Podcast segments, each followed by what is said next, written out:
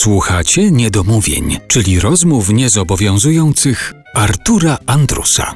Profesor Katarzyna Kłosińska jest dzisiaj naszym gościem w Niedomówieniach w RMF Classic. Chciałem wrócić do tego momentu, kiedy ty osobiście postanowiłaś, że zajmiesz się językiem polskim, że pójdziesz na studia polonistyczne w domu, rozległ się szloch, dziecko, to z czego ty będziesz żyła, jak będziesz polonistą? A to prawdę mówiąc trochę tak było, ponieważ y, mój tata był inżynierem i pracował w y, takich dużych zakładach przemysłowych. Ostatnie jego tam kilkadziesiąt lat pracy to był zakłady mechaniczne Ursus, był kierownikiem jednego z działów. No więc konkretny zawód, inżynier buduje albo tworzy, coś z tego ludzie mają, prawda? Mają traktory na przykład. Wcześniej był głównym technologiem w fabryce samochodów małolitrażowych w Tychach, a więc maluchy te w latach 70. to jakoś tam wyszły spod, można powiedzieć, ręki mojego ojca. Mama natomiast była radcą prawnym. No więc to jest też konkretne, pisze się jakiś pozew, idzie się do sądu, coś tam się wygra, a tu polonistka, no to rzeczywiście dziwny zawód.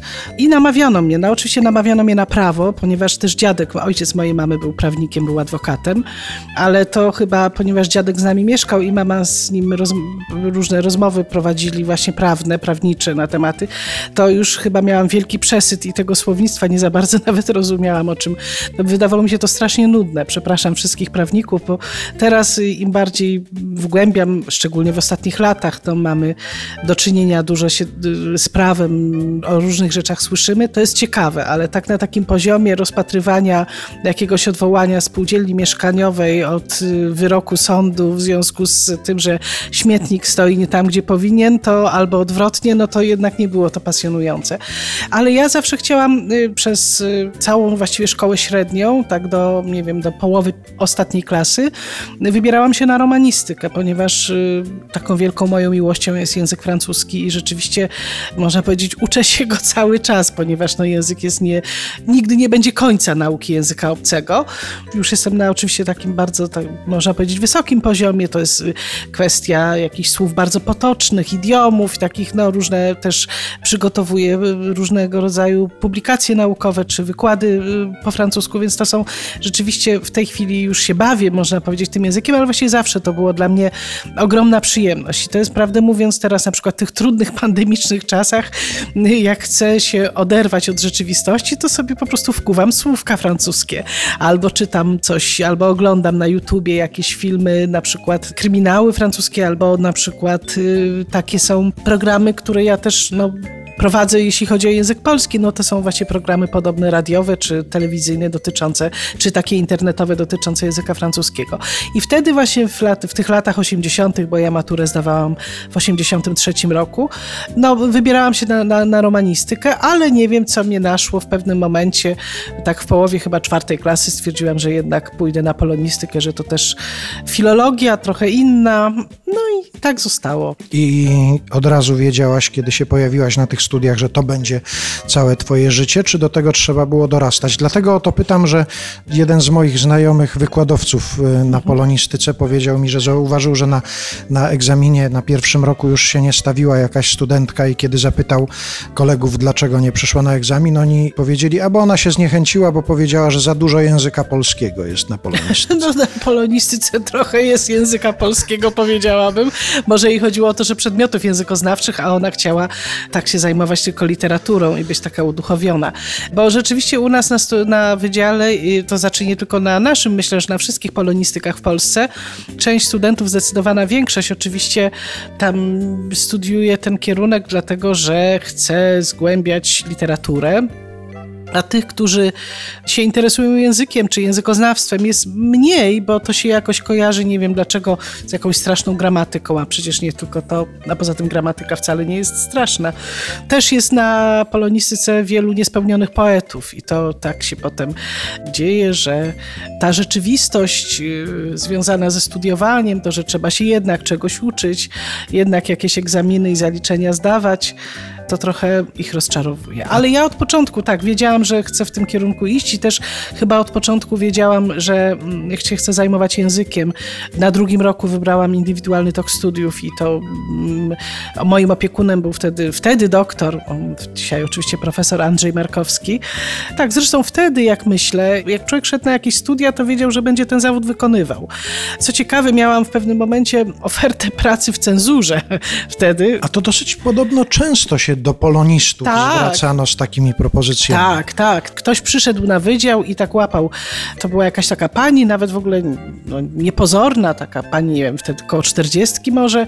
Pytała tych, którzy, na którym roku jesteś i tak dalej. Ja wtedy chyba byłam na czwartym roku, czyli to już był 87 rok. Zaraz komuna już miała paść, o czym wtedy jeszcze nie wiedzieliśmy. I ona mówi, no może byś była zainteresowana pracą w cenzurze. No mówię, że nie, bo pomijając to, bym nie, nie skorzystała z takiej oferty, ale też już jakoś tam szykowano mnie do pracy naukowej, że się tak wyrażę. Ciąg dalszy tej opowieści już wkrótce, a teraz coś, co mam nadzieję muzycznie sprawi przyjemność Katarzynie Kłosińskiej. No bo skoro przewodnicząca Rady Języka Polskiego publicznie wyznała miłość językowi francuskiemu, to Jodassin będzie jak najbardziej na miejscu.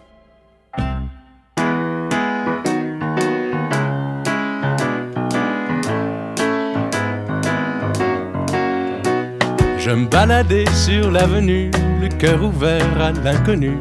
J'avais envie de dire bonjour à n'importe qui, n'importe qui, et ce fut toi. Je t'ai dit n'importe quoi, il suffisait de te parler pour t'apprivoiser. Aux Champs-Élysées, aux Champs-Élysées, midi ou à minuit, il y a tout ce que vous voulez aux Champs-Élysées. Tu m'as dit j'ai rendez-vous dans un sous-sol avec des fous qui vivent la guitare à la main du soir au matin. Alors je t'ai accompagné, on a chanté, on a dansé et l'on n'a même pas pensé à s'embrasser. Aux Champs-Élysées, Champs-Élysées, soleil, sous la pluie, à midi ou à minuit, il y a tout ce que vous voulez aux Champs-Élysées.